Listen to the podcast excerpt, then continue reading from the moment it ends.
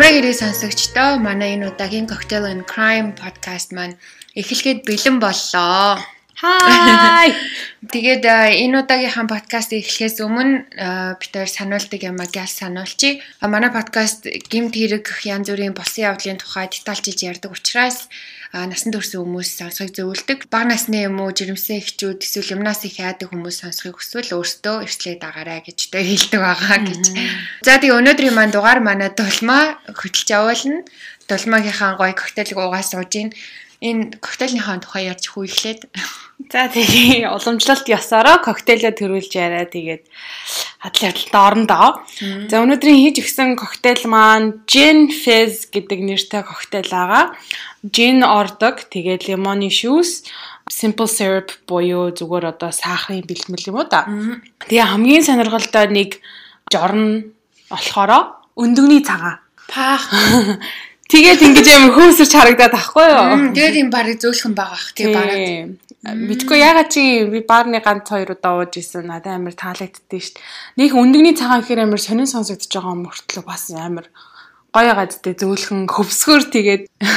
Гоё энэ гоё энд би бас нэг өндөгний цагаан гэдгийг сонсчоод пүү па гэдсэн чинь уухад юу ч амтдахгүй нэ. Эсвэл юу ч амтдахгүй байна гоё болсон байна. Тийм жоохон ийм жоохон сэргээдэг тийм refreshing. Өнөөдөр чи бас халуун орой байна шүү дээ. Харин тийм ээ ёо. Би чи нөгөө ханаа томоо хүрсэн байжгаад гайгүй халсан зүгээр. Өө зөв коктейл моктейлийг чинь зүгээр баруун зөнгөө сэгсрэл ууж ийна. За арайч нэг ямар аригч байгаа. Арайч баруун зөнгөө биш юм ба. Нэг л коктейл ууж байгаа шүү манайхаа. Тийм амар уугаагүй. За За хиний тухай яа хэллээ хөө. Тэг би өнөөдөр шүү дээ. Аа хоёлын нэр ерөөсөө ярилцааг байгаа. Бид чинь бас нөгөө ижилхэн хүний тухай ярьчиж магадгүй гэж одоод бас хальт хальт гадаад юм уу, Америк юм уу, ямар юм уу, юм юм уу. Тий. Яг ямар төрлийн аллагыг гэл тэрийг бас ярьдаг бас хөөхөн би биэндээ нэг surprise үлдээч гээд тий.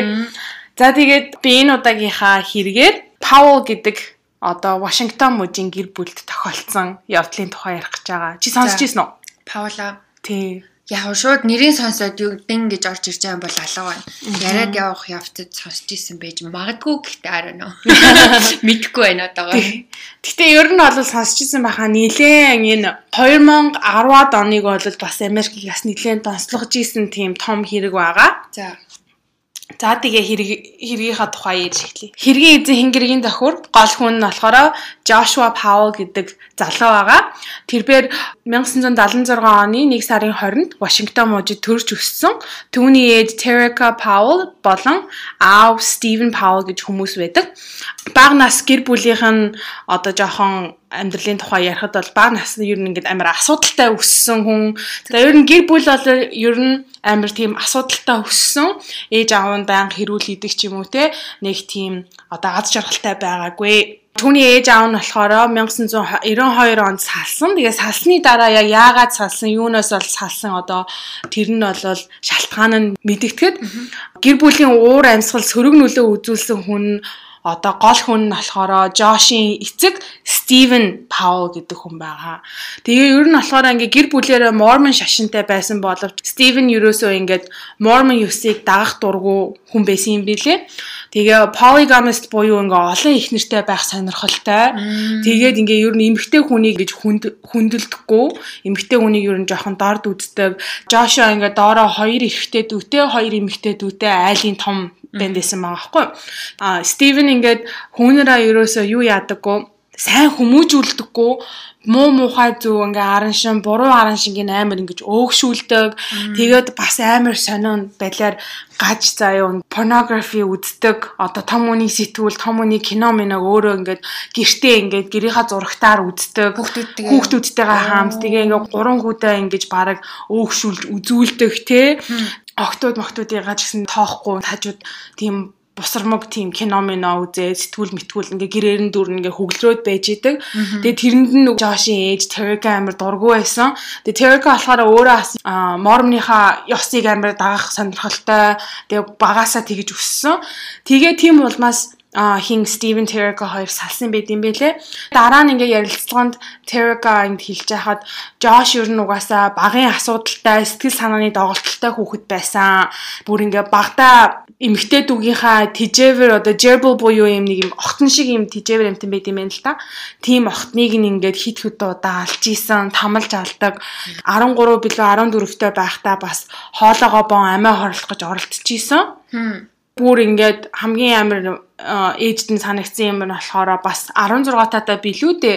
Ээж нь Жошиг ингээд чи хөө аяа тавга уугаа гэд ингээд жоохон загинсан чинь хотго барьж хурж ирэнгуутаа don't push it mom өөр сүрдүүл намайг бити ингээд түлхээдээ яах гээд байгаа ч юм уу те тэгэж ээжээс одоо алан гэж сүрдүүлчихсэн байгаа байхгүй. Бити намайг өдөөдөө. Тий өдөөдөө тий. Ер нь бол тийм багын тийм сэтгэл санааны доголдолтой ер нь жоохон хүмүүжил муу хүүхэд байсан юм бэлээ.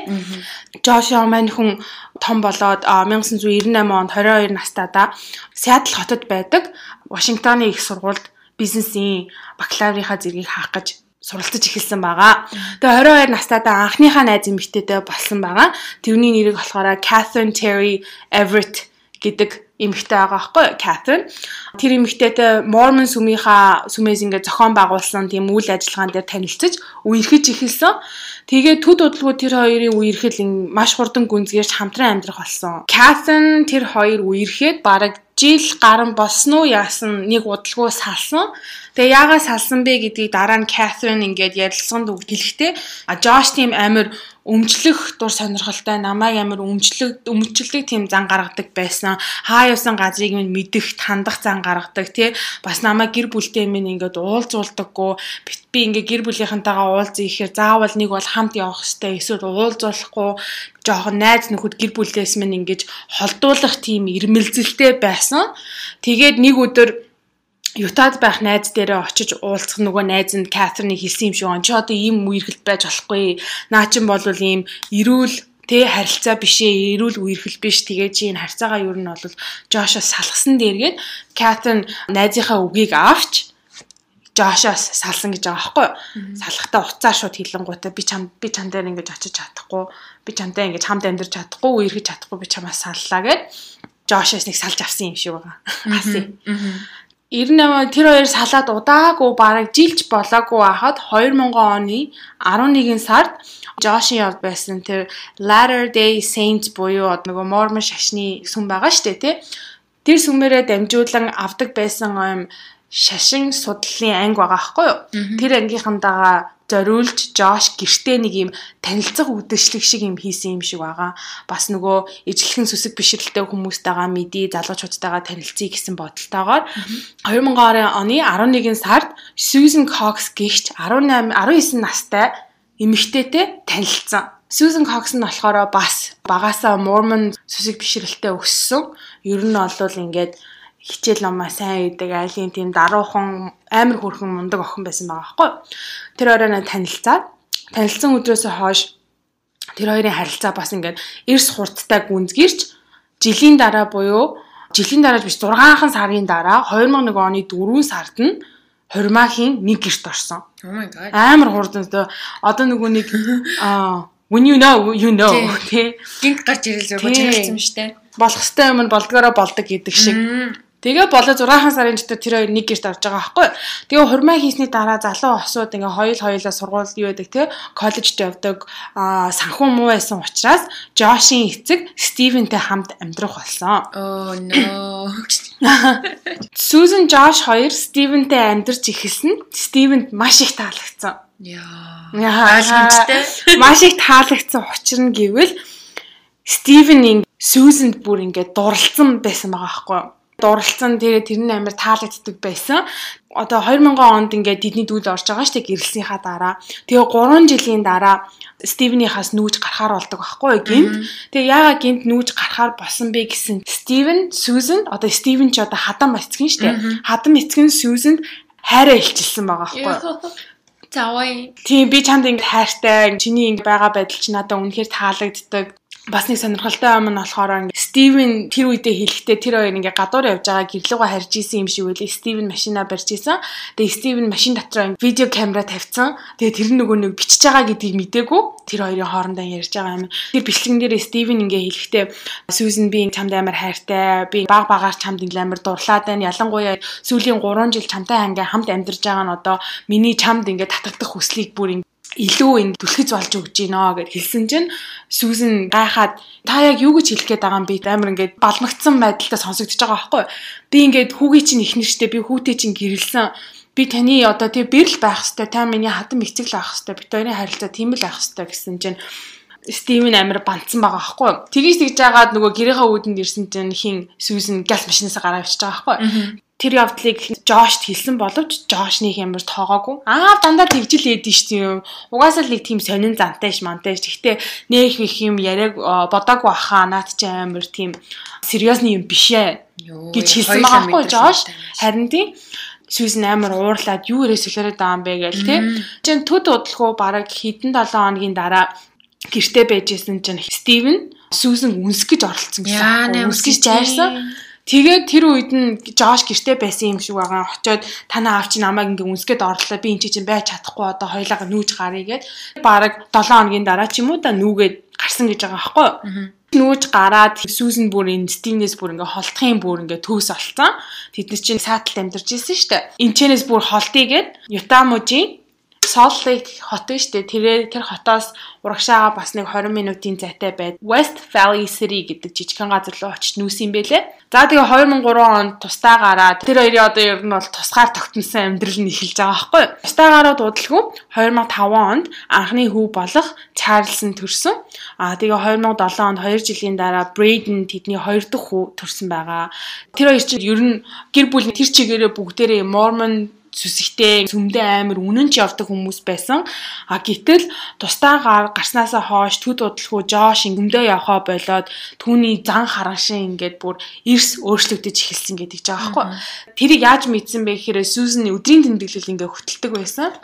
Тэгээ өдрийн тэмдэглэлдээ ингээд бичдэг Жош ингээд сүмд явхаа болсноосаа эхлээд түүний зан хараншин өөрчлөгдөж намайг ингээд сэтгэл санаагаар амар их дарамт үзүүлдэг болсон. Бит хоёрын гэрлэлт жаргалтай байхаа байсан. Их анхнаасаа л амар асуудалтай байсан. Би ингээ хоёр хүүгээ гарсны дараа бит хоёрын гэрлэлтийг засах цавуу тий болох байх гэж би найзан боловч бит хоёрын гэрлэлт амар асуудалтай байна гэж бичсэн байгаа байхгүй бас нэг дурдсан юм нь болохоор Стивен Жошиг жоохон бахт нь амар их дарамтлж зоддог байсан хэрнээ Жош том болоод Стивентэй амиртны харьцаатай болцсон Одоо гайхмаар уг амар эсэргээрээ байдэн шүү дээ. Хүчиглэгчээ, дарангуулагчийнхаа эсрэг байх. Тэгсэн чинь эсэргээрээ тэр хоёр ингэ дотны харьцаатай болоод Жош бүр Стивни гаргадаг зан аран шиг ингэж өвлж аваад ч юм уу те амар ижилхэн тийм характертай болоод тэр харьцаа нь Жош Сьюзен хоёрын одоо гэр бүлийн асуудал бас маш их нөлөөлсөн байгаа байхгүй юу.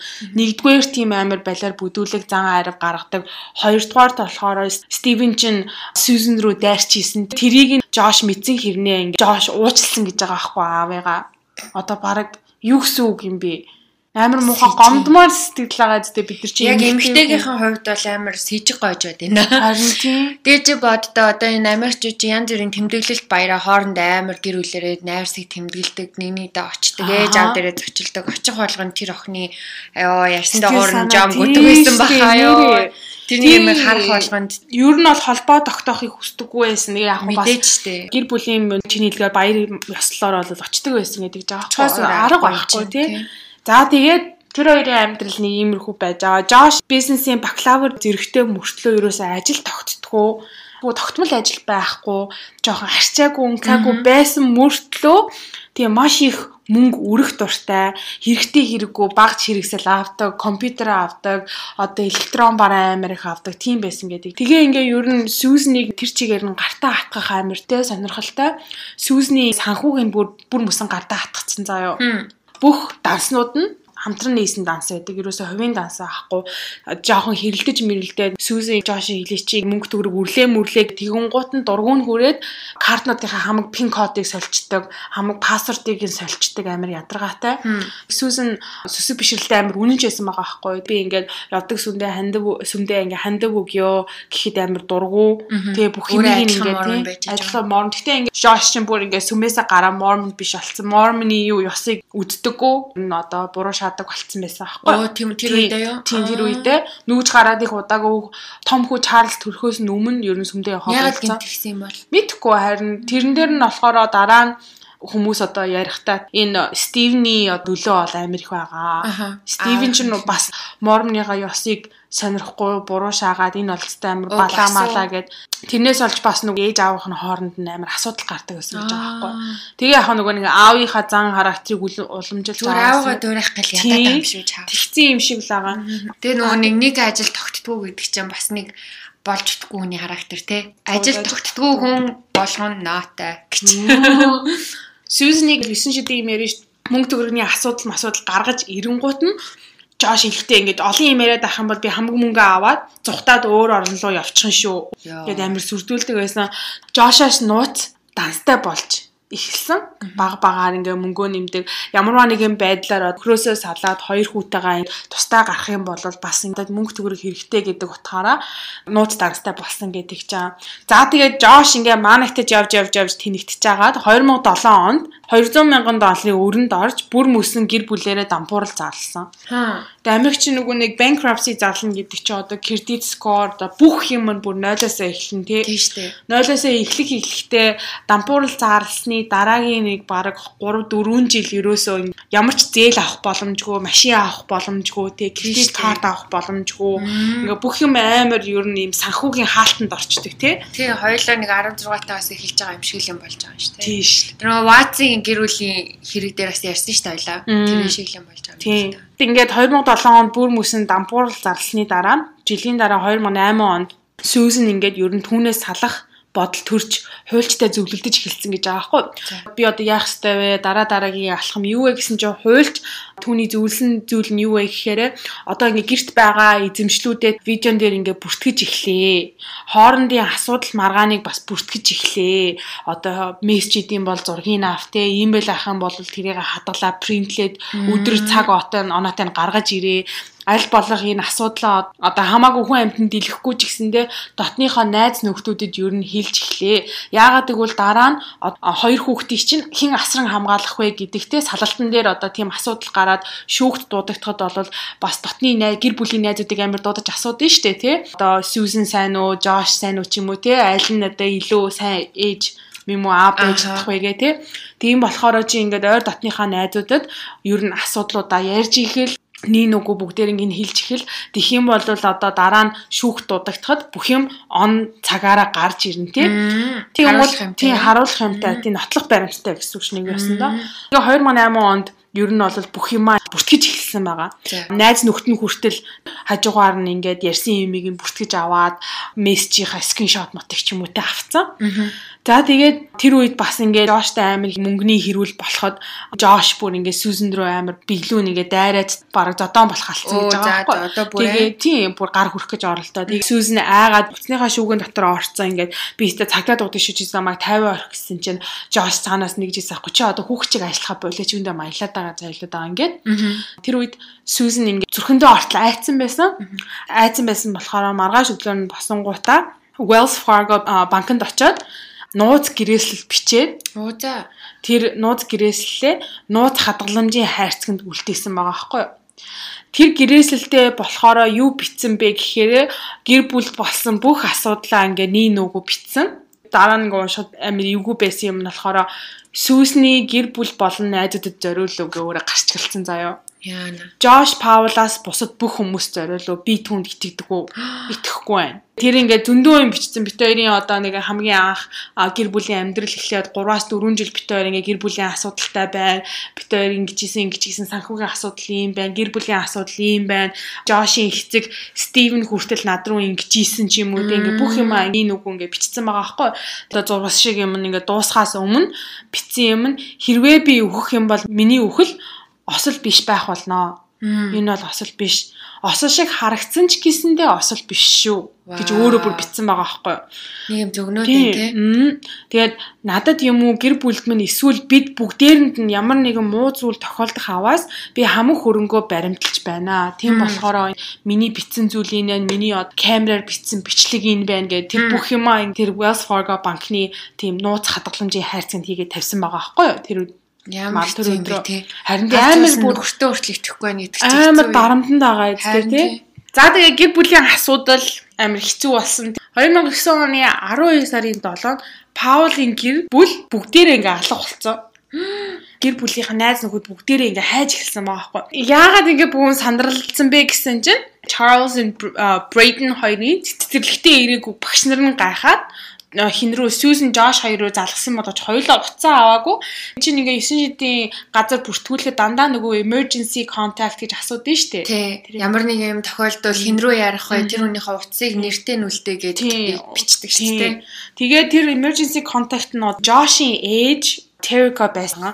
Ягаад гэвэл хин Charles Braden хоёрын багш нь Josh-ийн ээж рүү нэг залгаад Susan Josh хоёрын гэрт нь ирсэн чинь ингээд ерөөс хинч хаалгаа онгоолгож өгөхгүй бүгдээрээ байхгүй ингээд хүн байгаа үгүй мэддэхгүй нэг тийм үл мэддэх байсан. Тэр хоёр ингээ сандраад Сүүзний ажил руу залгасан чинь Сүүзэн бас өнөөдөр ирээгүй штэ би бас хайцсан болоо гэ гайхчихлаа гэд ажлынхан газрын хүн хэлсэн гэж байгаа байхгүй.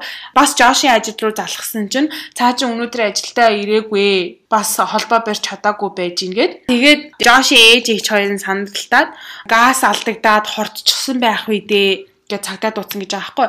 Цагдаа нар ирээд тэдний гэрлээ хүчээр нэвтрэн ороод шалгатал гэрт нь хинж байгаагүй Гэрийг нь шалгаад одоо яасан бол ийсэн бол гэ хаагаад үтсэн чи сүүсний цүнх төрөвч бүх зүйл нь гэртэн байсан гэж байгаа байхгүй юу? Oh my god. Тийм гэрэл буруутсан. Амар юу болчихдээ штэ. За тэгээ бас нэг амар хачирхалтай ингээд цагдаа нарт анзаарчихсан зүйл нь юу байсан бэ гэхээр дороожин дээр нь юм толб цэвэрлсэн мэд тийм нойтон хэсэг хатаах гад ингээ хоёр ширхэг сэнс үлээлгээ тавьсан байсан. Цагдаа нар гайхаад юу ямар амар учир битүүлэг ингээд тэгэл нөгөө нэг хин Сүүзен Жош хоёрлоо чинь байн байн залгаад ажлынхан газар руу залгаад ер нь бол жоохон гэр бүлээрээ алга болчихлоо гэж сандарлаж эхэлж байгаа байхгүй. Тэгээд тэр 7-ныхоо оройд 5 цагийн үед Жошийн игч Jennifer бүр ингээд залгаж залгаж залгаж байгаа Жошийг Жоштой холбоо ярьж байгаа байхгүй. 5:30-ийн үед Жош ингээд юу гэж хэлсэн бэ гэсэн чинь хүү чи чи хаана байгаа гэсэн чи би ажил дээрээ бэ штэ гэж хэлсэн байгаа байхгүй. Jennifer-т эмгтээд үдээ тэгсэн чинь Jennifer өөдөөс нь би чамайг худлаа ярьж байгааг чи мэдчихээн бид нар бүгдээрээ гэрт чинь цагдаа нартай байна. Та нар Иесусийн та хоёр өрөөсөө уц муцаа авахгүй ингээд алга болчлоо. Хүн санаа зовоод яасын хайцын гэсэн чинь Оо би юу яг үнэндээ Charles Braden хоёрыг дагуулад кемпинг явчаад одоо очиж чинь. Юу гэсэн ч үгүй. Харин тийм. Тэгэнгүүт нь аа ингээ гахаад хурдан гэртээ хүрээд бид нар цагдаа нартай ингээд байна гэд Цагдаа нар хурж ирээд Сүүсний хаана байгаагийн асуудал би мэдэхгүй. Би өчигдөр шөнө 12:30 өнгөрөөд хоёр хүүгээ дагуулan Simpson Spring гих газар руу кемпинг хийх гэж явсан. Сүүсэн унтаад аваад явдаг газар ээж тэ газраа түрээслээ майхна заадаг. Тэгээ майхна аваад хоёр хүүхд хүүхдээ дагуулад шөнийн 12 цаг болж байгаа. Тэгээ тэрийг бодож гэрүүлт гэж явдаг. 12 цаг 12 сарын 7 Тэр үед нь болохоор snowstorm цасан шуурга болж исэн орой гэж байгаа байхгүй юу. Бүр ингээд яг цаг агарыг харахад тийм цасан шуурга болж байхад хоёр хүүгээ те хоёр хүүхэд нь ядж байхад юм өсвөр насны хүүхдүүд ч биш нэг нь хиттэй вэ эн чи одоо 5 онд төрсөн 9 онд гэж 4 настай 2 настай жоохон хүүхдүүд байгаа аахгүй. За тийм байдгүй л ахгүй тий. Ахгүй штэ. Гинт чүндэнд очоод ихнэргүүгээ юу? Тийм, тэгснэ яасан чи ихнэр унтаад хоцорсон. гэж байгаа аахгүй. Бүр амар гачаан Тэгснэ гэртээ ирэх замдаа би ингээ сүүзэн рүү залгаж хэлсэн штэ хэд хэдэн удаа залгасан чинь уцаа авахгүй болохоор би ингээд дуут мессеж үлдээсэн. Бид гурав ингээ удахгүй очих чинь шүү.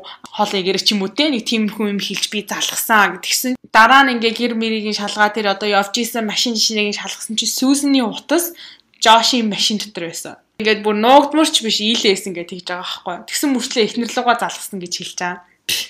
За тэгээд ер нь бол Сүүзэн ин албан ёсоор алга болчихж байгаа байхгүй гээ бүлээсээ ингээ ганцаараа алга болоод цагдаа нар сэргийлэх нь те яасан ийсэн юу болсон хаагур байна инээ тэрэгээд бөө юм болж байгаа штэ. Тэгээд долоонд нь алга болоод долооныхоо орой Жошоос мэдүүлэг авахд тийм гачин мэдүүлэг өгч байгаа юм тий. Маргааш нь 8-ны өглөө даа мөрдөгч нар ингээд за хоёр хүүгээс нь асууя. Энэ хоёр хүүг чинь жоохон ч гисэндээ бас хилж хил ярианд орчихсон болохоор юм мэдэж магадгүйгээд том хүүгээс нь 4 настай Чарльзаас юм асуусан мэдүүлэг авсан гэж байгаа байхгүй. Тэгээ тэр мэдүүлэг авах Where's mommy? Ээж нь хаанагаан тий? Яасан та нар кемпинг явсан юм уу гэсэн чинь үнэхээр кемпинг явсан бол үнэн байсан юм бэлээ. Хэлсэн гэдэг жбайгаа байхгүй. Ээж нь хаанагааг асуухад бид нартай хамт кемпинг явчаад ээж буцаж ирээгүй. Яагаад ээж чинь буцаж хамт ирээгүй та нартай гэсэн чинь би мэдэхгүй байна. Ээж болор байгаа газар үлдсэн штэ. Болор байгаа агуу шиг газар үлдсэн. Би тэгтээ яагаад буцаж ирээгүй нь би мэдэхгүй байна гэж дөрөв настай хүн хэлсэн байгаа байхгүй юу? Аа 2 хоногийн дараа буюу 12 сарын 10-ных нь өдөр цагдаа нар Жошийн тэр хэлсэн кемпинг хийж исэн газарт нь очиж тий одоо энэ Чарльз хэлэхдээ ээж тэнцээ үлдсэн гэж хэлсэн дээ. Парк дээр үлдсэн. Тэгээ хэлэнгууд тэр паркийг нь шалах гад очтол Жошийн тайлбарлаж хэлсэн. Өө ийм модтой, тийм модтой, ийм газар байсан гэх нэг хэлсэн юм шиг байгаа. Тэр нь юусоо байхгүйсэн. Жохон цохоогоод ярьсан. Тэгээд тэр тайлбарлсан газрыг нь олоогүй. Бас цагдаа нарыг бас нэг сэжиг төрүүлсэн юм нь Бүтэн сайнны орой 12:30 гэдэг чи одоо яг албан ёсороо бол нэгд өдрийнх нь өглөө болчихж байгаа шүү дээ 24 цагаараа ярих юм бол нэгд өдрийнх нь өглөө ажилдаа байсан бийжиж бүтэн сайнны орой 12:30-аас хоёр хүүгээ дагуулад кемпинг явна гэдэг нь амир Жошиг амир тийм сэжиг төрүүлмээр явдлаа байхгүй юу? Жош жоохон бодох хэрэгтэй байсан юм даа гэж.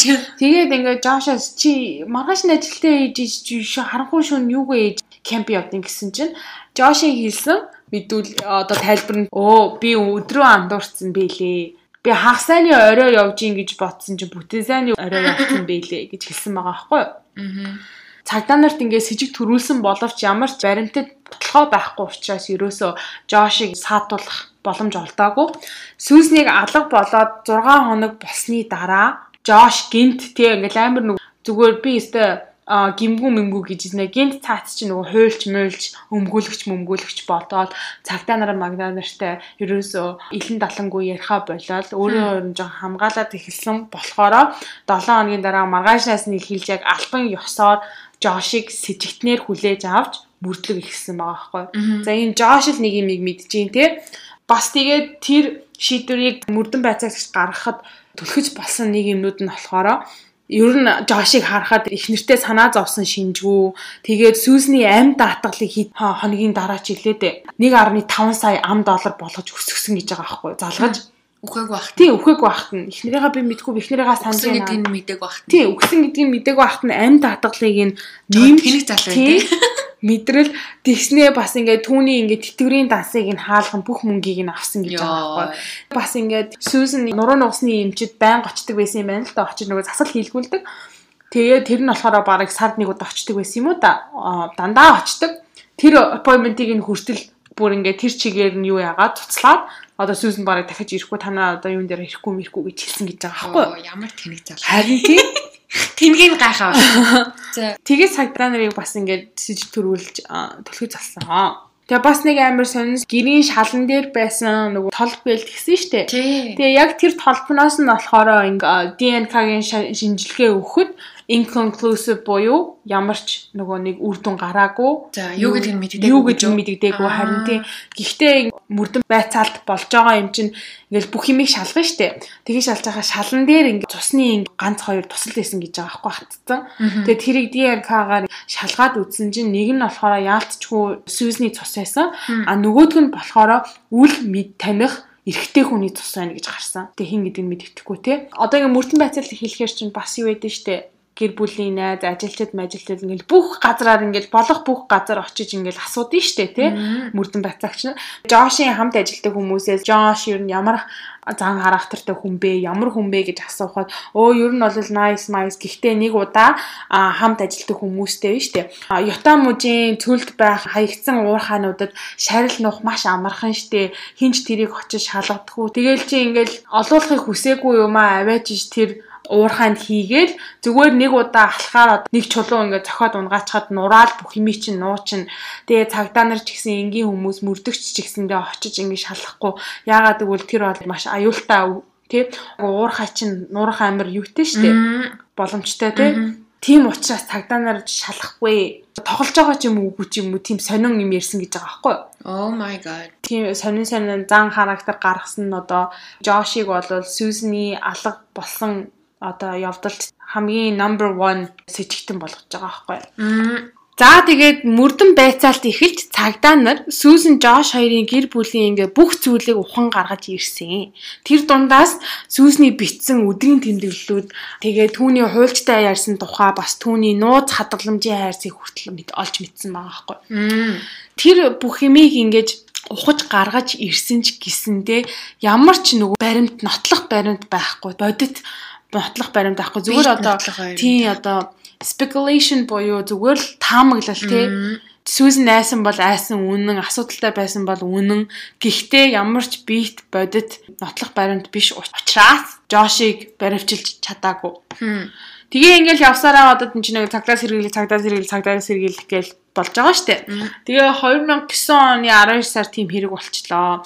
Дараа жилийнх нь 10 оны 1 сард нь Жош хоёр хүүгээ аван албан ёсоор Вашингтон мужид руу нүүж буцаад аав Стивен болон дүү нартайгаа хамт амьдрахаар явсан гэж. За тэгээд ингээд энэ хугацаанд угаасаа ингээд мөрдлөг босоор. Тэгээ 2010 оны 2 сард Josh Av Steven-тайгаа хамтран susanpowell.org гэх тийм нэртэй вебсайтыг нээсэн. Өөртөө хэлэхдээ болохоор энэ вебсайтыг яах гэж нээсэн бэ гэхээр одоо Susan-ыг хайх те мэдээ мэдээлэл хэрэгтэй бүх юмыг хүлээн авна. Бас бидрийг хайхад мөнгөн тусламж үзүүлэхийг хүсэх юм бол биднэрт энэ одоо вебсайтаар дамжуулан хандив хүлээж авна маавн те тиймэрхүү утгаар ингээ нээсэн байгаа байхгүй. Тэгээ тэр вебсайтн дээр нь болохоор дуртай хүмүүс ороод тэ сэтгэлдээ үлдээдэг гэдэг. Тэгээ тэр ингээд сэтгэлдлийг харахаар дандаа anonymous буюу нэргүй тийм нэг ямар ч user ID байхгүй хаягнуудаас Susan-ыг хараар будаж эхэлсэн. Оо за. Сүүсэн чинь угаасаа цухтаа явцсан юм биш үү? Наад чинь хоёр амьдралтай байсан юм биш үү? Мөш үү? Инээ тэрэ мэрэ. Наад чинь угаасаа тэр өдрийн тэмдэглэл мэмдэглэл нь ингэсэн гисэн бидтэй, тэгсэн гисэн бидтэй. Хүүхдүүдэд хаяа авцсан ч юм уу нэг тиймэрхүү сонин сонин юм бичээд тэр үед нь Сүүсний ээж аав Жошиг ер нь бол хамгийн түрүүнд сэжгэлж исэн. Ягаад гэвэл Сүүзэн өөрөө нөгөө гэр бүлийн асуудлыг хамгийн түрүүнд ойлгомжтой шүү дээ. Ээж авдаа хэлдэг хэлнэ шүү дээ, тийм. Тэгээ ялангуяа хуульч ойр татны хүмүүстээ хэлж хэлсэн шүү дээ дээрээс нь. Тийм. Сүүзний ээж аав нь Жошиг ингээд сэжиглэж эхлэн хэвлэл мэдээллээр ярилцлага өгөхөд Жош ингээ амар уурлаад ундууцсан гэж байгаа байхгүй. Уурандаа Сүүзнийг аавтайгаа нийлээ бүр ингээ албан ёсоор баг өөртөө ярилцлага өгч хэлэхдээ Сүүзэн ингээд хоёр амьдралтай байсан. Тэр болоод хоёр дахь амьдрал тэр нууц нөхөртөөгөө Бразилд явж байгаа. Яагаад тийм яриа гаргасан бэ гэхээр 2009 оны 12 сард бас нэг Стивен Кошер гэдэг нэртэй залуу За. тийм сэтгүүлч залуу бас алга болсон тэр өөр хэрэг заяо. Тэр залуутай Сьюзнийг холбож энэ Стивен Кошер Сьюзен хоёр хамтдаа хайр дурлалын асуудалтай байсан. Тэгээ Сьюзен энэ гэр бүлээсээ залхангуудаа тэр залууг даагаад одоо тэр хоёр Бразилд шал өөр нэрээр аз жаргалтай амьдарч байгаа амьдарч байгаа гэдэг. Хаа. Өөрөөсөө юмыг ер нь жоохон зайлуулах гэж хэргийг зайлуулах гэж оролцсон байгаа. Ах зүгээр мэдээ үзэнгүүтээ алга болсон залуутай холбогцсон. Харин тийм. Тэр юмнуудаа юу блог пост олгоод тэр susanpowell.org дээр бичдэг заяо. За тэгээ ингээд ерөөсөө хэрэг нэг тийшээгээ шийдэгдэж чадахгүй бүтэн 2 жил болтгоор ингээд нааш цаадаад хэрэг чинь амар хэцүү шттэ. Нөгөө нэг шүүх хурлын өдөр бас ийм өдөр дан энүүгээрч батлуулна тэрүүгээрч батлуулна амар тийшээ ингээд яваад байдаг. Тэгээ бүрэн нотлох баримт олж чадаагүй 2 жил болсон. Тэр хугацаанд амар сонин сонин үйл явдал босноо нь Сүүсний баг хүү Брейден цэцэрлэгтээ ингээ гэр бүлийн зураг зурсан гэж байгаа байхгүй юу? Тэгээ зурагтаа ингээ машин дотор 3 хүн суугаа явж байгаа зураг. Тэгсэн чинь багш нь өө чи юу зурсан Брейден энэ хин хин ингээ асуусан чинь миний аав тэгээд энэ манай ах Чарлз гэсэн чинь оо where's your mommy ээж чинь хаана байгаа гэсэн чинь ээж багаа чинь дагаа гэж хэлсэн гэж. Би бүр what гэд oh my god гэсэн тэгээ ээж багаа чинь дагаа гэж хэлсэн гэж байгаа. Йоо ингээ ойлгомжтой Ойлгомжтой харин тийм. Тэгээ уурхаа гэд хүүхднаас яриад Тийм. ойлгомжтой болчихлоо шүү. Тийм. Oh my god. Тэгээд бас нэг юм нь болох том хүү Чарлз нь бас хэлэхдээ цэцэрлэгийнхаа багшид ээж чинь хаанагаа чи мэдхүү зэдхүү ээж нь сайн уу мань уу ч юм уу гэл нэг асууж масуунгууд та юу асуугаад байгаа манай ээж өгцөн штт гэж хэлсэн гэж байгаа байхгүй багш та. Хаа. Тэгээ тэрийг нь багш нь сонсонгуудаа гайхаад а хиний Сьюзний ээж аавд хэлсэн гэж байгаа байхгүй. Тэгээ Сьюзний ээж аав нь болохоор нөгөө өөрсдийнхөө хуульчаар дамжуулаад мөрдлөгийн юунд ингээд шүүхт хэлэхээр одоо ойлгомжтой та нар угаасаа Сьюзний гэр бүлийнх болохоро та нар зүгээр Жош Жошийн гэр бүлийг дайрч байгаа болохоор энийг бол нотлох баримттай ямар ба нэгэн одоо хэрэгтэй баримт гэж хүлээж авахгүй гэсэн гэж байгаа байхгүй. Тэр амар байгаа л тэгэхээр Америкчууд юмдаа сайн да. Харин тийм. Хүүхдийн одоо сэтгхүү энэ төр дээр тулж ажилдаг да. Яагаад хүүхдийн ярьсан юмыг гэр бүлийнхэн хэрэг болгоо явчих. Харин тийм тэгээ ингээд баримт гэж хүлээж аваагүй зүгээр л хайцсан ямар эвгүй юм бэ ээж багаж дагаа шижилтэн бүр харин би бүр сая бүр өөрөө байж чадсангүй амар орилтлоо гэж Тэгээ ер нь ингээд Жошин гэр бүл, Сүүсний гэр бүлийн хооронд ингээд амар том хагарал агаа те. Чи манай охиныг алдсан юм шүү, чи ингэсэн юм шүү. Үгүй тэгээгүй танаа охин чиг гэл амар одоо бас хэвлэл мэдээлэлээр бас ингэж амар би бинийгаа гэж дайрч давшиж эхэлсэн байгаа байхгүй. Тэгээ Жошин гэр бүлээс ганц Jennifer гэд эмэгтэй дүүнэ штэ. Тэр л Сүүсний гэр бүлийн талд байсан. Аа. Багасаа аавынхаа болон ингээд ах нарынхаа тий ахынхаа юм гаж сонин зан харан шиг ойлгодог байсан мэддэг байсан. Одоо бүр ингээ гэр бүлээсээ юу хийцэн бэлээ? Холбоо сүлбэгээ тэр чигээрээ тасалцсан. тангараг тасалцсан. Би тэр хүмүүсийг мэдхгүй танихгүй. Холбоотой байх нэг толгой мөрөн дээрээ бүндгөртэй ганц хүн баам шиг гэр бүлтэй хоёр гэрийн донд ийм том ингээ хагарал одоо хэвлэл мэдээлэлээр бөөн ингээ дайн дажин болж байгаа.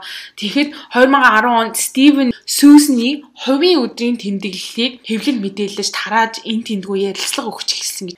Тэр ярилцлагаараа юунд хүрэх гэж ингэж оролцсон бэ гэхээр хэргийн гол сэжигтнийг Жошиг биш Сүүсэнд өөрөө цухтаасан гэдэг утгаараа байх гэж Сьюзнийг ингэж хараар бодож эхэлж байгаа хгүй хэвлэл мэдээлэлээр өдрийнхөө тэмдэглэл дээр Сьюзен чинь Стивний тухай бичсэн дээ одоо манай хатам аав над руу ингэж дайрсан байрсан ингээд тэр нь хүртэл цагтаа нараа дамжуулаад мэдэгдсэн болохоор хэвлэл мэдээллийнхэн чи одоо ингээд бэр охиноо ингэж оролцож оролцсон юм биш үү? Инээ тэрэ мэрэ гэд тэрний хариуд Стивен ярилцлага өгөхдөө хүмүүс намайг Сьюзен рүү дайрч ингээ баг хүчирхийлсэн гэж ярьсан. Тэр бол худлаа мэдээлэл те энэ тэмдэглэл дээрээ ингэж битсэн байгаа эдтэй харж гин үү? Энэ он ингэж битсэн байна. Та нарын боцсон шиг Сьюзен бол тийм гимгүүнийг сүмийн жоохон охин байгаагүй. Энэ бол дотроо ингээ садар те бодолтой бас 9 шидийн хүсэлтэй тийм охин байсан гэж хэлсэн байгаа байхгүй. Тэгээ миний ойлгосноор болохоор өдрийн тэмдэглэл гэдэг чинь амар хүний хувийн зүйл шүү дээ. Тэгэл хичнээн ингээл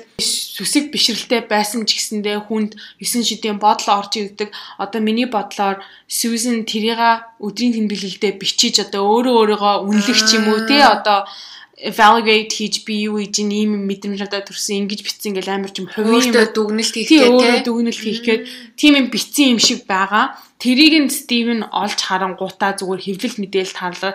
Та нарын ботсон шиг тийм гимгүү цайлган цагаан охин бишээ. Энэ бас ингээд садар бодолтой, садар хүсэлтэй ийм охин байсан гэж амир муугар харуулах гэж оролдож эхэлсэн байгаа байхгүй юу?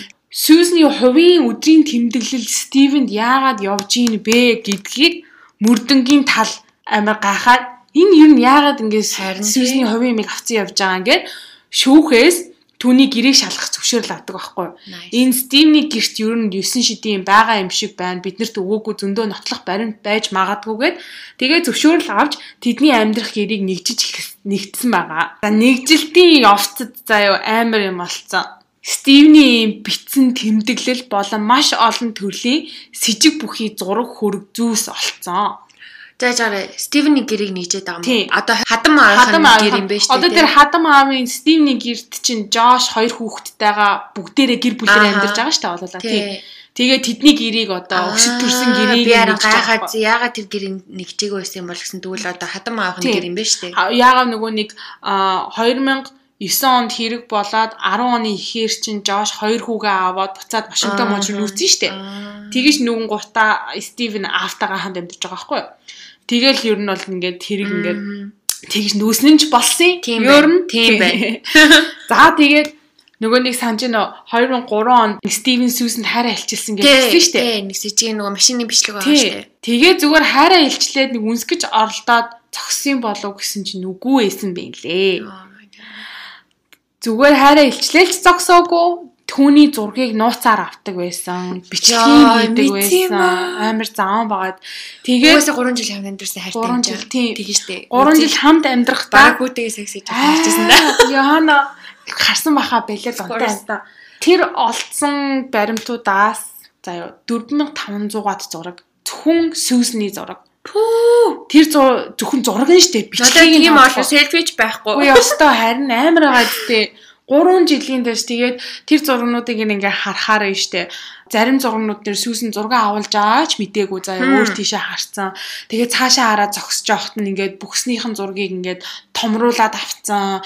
Нурууныхан зураг тэгээд шорт морт өмсөөд юу яж ахтан цавныхан зураг ч юм уу ингээд зарим ингээд биеийнх нь хэсгийг бүр ингээд томруулж момруулад авцсан. Одоо хөөхтэй, цээж, гар, хүл бүр хүлнийх нь хурууны зургийг хүртэл ингээд ингээд авцсан юм бэ. Бүр тийм амар донтой заяа Тэгээ ингээ баахан бичлэг хийцэн 0 ус тасанд орж явахт нь шийж бааж авах нь хүртэл ингээ ямар заваа юм бэ? Тол молоор хүртэл ингэж хардаг байсан гэж байгаа байхгүй ойлгож амар заваа. Яаж тэрийг мэдсэнхээр нөгөө Стивен өөрөө бас нэг юм өдрийн тэмдэглэл шиг юм бичдэг. Тэрэндээ ингээ сүүсний тухай бичдэг Ингээд сүүсний ингэж харсан тгийж харсан. Бас өөрөө тэрэндээ бичгтээ би сүүсний өдрийн тэмдэглэлийг уншдаг.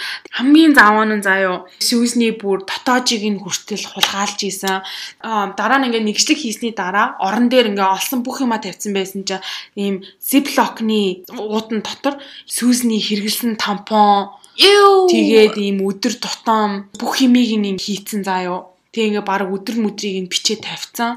Дотоож, дотуур хувцас, цаам, зүсний боолт, сам мамыг нь хүртэл үнэртдэг байснаа тийм харсан маа бүр ингээ гаж донтой мэдрэл заяо. Ямар сэжгийн. Чи хөөхи манай дулмаасаа нөгөө судалгааны ажлыг бид нэр хамт хийгээ сууж исэн хоёр талд байсгээл гэл байсгээл гэл тэгээдсэн ч агаас харахгүй байна. Ийм юм уушаа тий бүр зайлаа ямар балиар юм бэ амар муухай сонсож байгаа юм чинь амар хүний одоо ёо хувийн хувийн гэх юм амар өртөж байгаа байхгүй. Гэтэ амар муухай санагдчихсэн. Би бас ингээд дэлгүүрт явж байгаа тим юм өртөжсэн байхгүй. Нэг залуу миний бичлэгийг ингээ намайг дагаа яваадсан. Тэгээ ингээд би нөгөө хоёр найз охинтой авчихсан чи манай нэг найз охин хэлсэн байхгүй Тулмаа чамайг ингээд энэ залуу бичээд ах шиг байна гэдэг. Тэгээ би шууд өөдөөс нь чи намайг бичээд байгаа юм гэсэн чи уцаа ингээд барьцсан. Тэр үед би ингээд уур хүрсэн гэсэндээ хамгийн дөрөв надад бүр амар айдас хүрч исэн. Би ганцаараа явж исэн бол яах юм бэ? Тийм шүү дээ. Надад ч яасан чинь гэхдээ бас нэг юм санаад орчлоо гэж. Амар жоохон бахта амар жоохон чашийн бас нэг 14 мөрөвтэй байсан юм уу та. Тэгээ хүүхдийн би гэж яддаг штэ Монголд. Тэгээд Эрдэнтийн Гокын цэцлэнд явж исэн чинь нэг хүүхэд бид нар ингээд гогийн цэцлэнж амар олон юм урлагийн үзлэг мүслэг хийн штэ те тэгсэн чинь тайсан дээр ингээд бүлгэрээ гарцсан бүжгэлцэн байжсэн чинь амар олон хүүхдэд хамт бүжгэлж штэ чинь чинь хамаа ингээд бичсэн заяа ингээд бүр амар ингээд зүүм хийгээд бүр бүр ингээд хамаг ингээд бүр амар татаад бичсэн. Тэгснээ намайг амар балиар тэр бичлэгийг манай бүлийн нэг бандид өгөнгүүтээ тэрэнд хүчээрэй гэж өгүүлсэн байсан. Тэгэхээр би яг энэ охины одоо яг сэтгэл зүйн ямар байсныг болохоор нэг жоохон гатарлаад байна л да. Аим шигтэй тэгээ дээрэс нь боддоо нөхрийнх нь аав. Нөхрийнх нь аав. Хамт амьдарч исэн хүүхдүүдийнх нь өвөө. Надад нөхөр авахгүй л да би ойлгохгүй юм л да. Гэтэ still I can't do it. Би ойлгохгүй гэж. За тэр далирх яах вэ? Очлаарай сонсогчдоо. Гэтэ нэг юм болсон байна. Амар заван Миний бас хамгийн амар санагдсан юм нь болохоор Стивен ингээд Сьюзэнд зориулж онлайнаар ингээ өөр хүний нэрээр за юу дуу хүртэл зохиож исэн. Одоо чиний одоо уруул муруул яасан яасан гэд бүр амар тийм заваан заа юу. Бүр донтсон байсан байгаа байхгүй. Бас нэг олцсон юм нь болохоор Стивний нэг юм бичлэг байгаа байхгүй. Стивен ингээд дөнгөж гэртээ ирээд нэг хүн ажилласаа хурж ирээд гэрийн хувцсыг өмсгөөл ингээд хувцаа тайлдсан шүү дээ тий. Тэгж яхтаа ингээд өөрийгөө бичсэн юм шиг тийм сонирн бичлэг. Орон дээр өөрөө суудсан ингээд баг багаар хувцаа тайлж байгаа байхгүй. Ингээд хувцаа солиж байгаа юм заяа. Тэгээ ингээ юу ч болоогүй зүгээр нэг юм одоо манай орчин үеийн нөгөө влог хийдэг залуучууд шиг те. Өө бист өнөөдөр ингээд хийгээд гэдэг шиг ярьж байгаа байхгүй. За тэр видеон дээрээ юу гэж ярьсан бэ гэхээр сүүсний сүүсний тухай ярьж байгаа байхгүй. Би ингээд сүүснийг хідэн өдрийн өмнө хөлн өвдөд нуруу өвдөж жахад би чамд ингээ массаж хийж өгье гэд тэгэхэд сүүс нь ингээ хүлээж авсан. Тэр нь би өстө маш их баярлсан. Би хөлийг нь барьж ахта зөвхөн ингээ өвдөх хүртлэнд барьсан. Йоо би бүр зэгээр ингээ гараа дээш нь явуулаад бүр хөлийг нь тэр чигээр нь барьмаар санагдсан манагдсан. Бүр өөрөө бүр ингээд амар юу яатсан заа юу.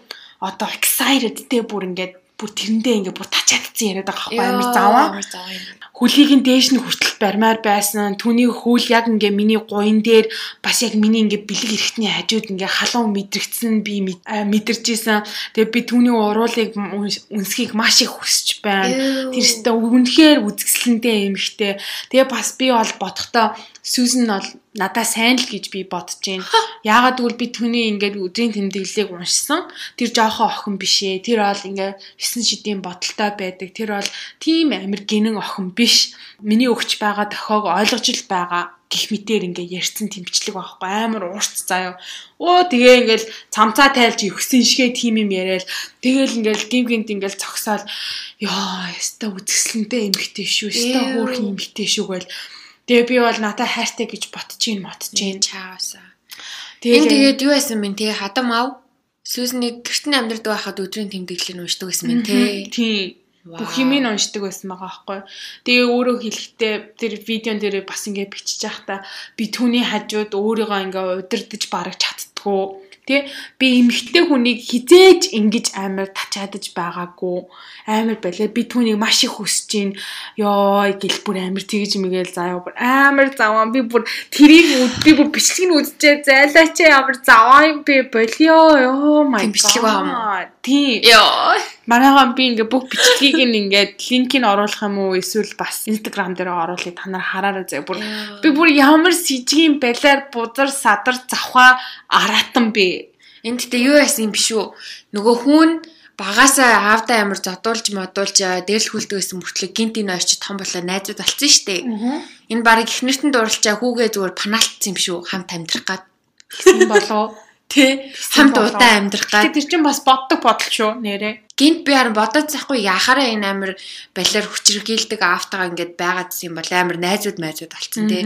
Энэ бол амар ховор штэ тий. тийм ш Ийм хоёр болдгоо штэ энэ их одоо хүчрхийлүүлж исэн эцэг тэгээ буцаад амар сүртэй бонд хийн гэдэг чинь амар ховор асуудал. аа Maybe тэгвэл амар хөөрхөн охин дагуулад ирсэн чи аав нь зүгээр минийхөө минийхөө. Йоо тэгтээ тэр тэр өөрийнхөө бас Стивен өөрийнхөө бичсэн тэр жижигхэн тэмдэглэл дээр би түүнийг ингээ бичсэн те нууц бичлэгүүдээ би бүр дахин дахин үздэг. Бүр амар тийм. Тэгээ үзээд юу ч хийдэг байсан юм бэлээ. Хин мэдлээ. Ойлгомжтой. Би би би бодохыг хүсэхгүй байна. Муухай байна. Йоо. За тэгээд энэ олон ийм с ิจ г бүхий зүйл донд бас нэг сонин юм байсан нь Стивен заяа насанд хүрээгүй охтуудын зураг авдаг байсан. Дэлгүүрийн хувцас салах өрөөнд орж охтуудын зургийг нууцаар авдаг. Хөрш айлын охтуудыг одоо ингээл тэ жижигхэн хөршүүдтэйгээ пари мари хийхэд 0 мойлд нь байж ахтан зураг мургийг нууцаар авсан.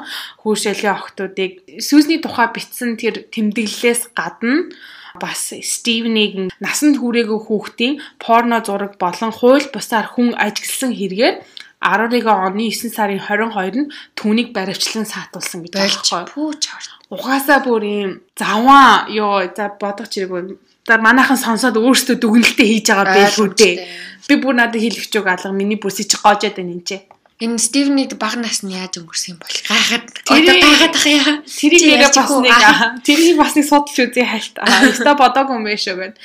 За тэгээд Стивнийг баривчилдаг өдөр Сүсний аав ээж 2 Зэхүү болох Чарльз болон брендинг албан ёсоор асран хамгаалах эрхийг авах хүсэлтэй шүүхт гаргасан байгаа байхгүй. Яагаад гэвэл угаасаа ойлгомжтой шүү дээ.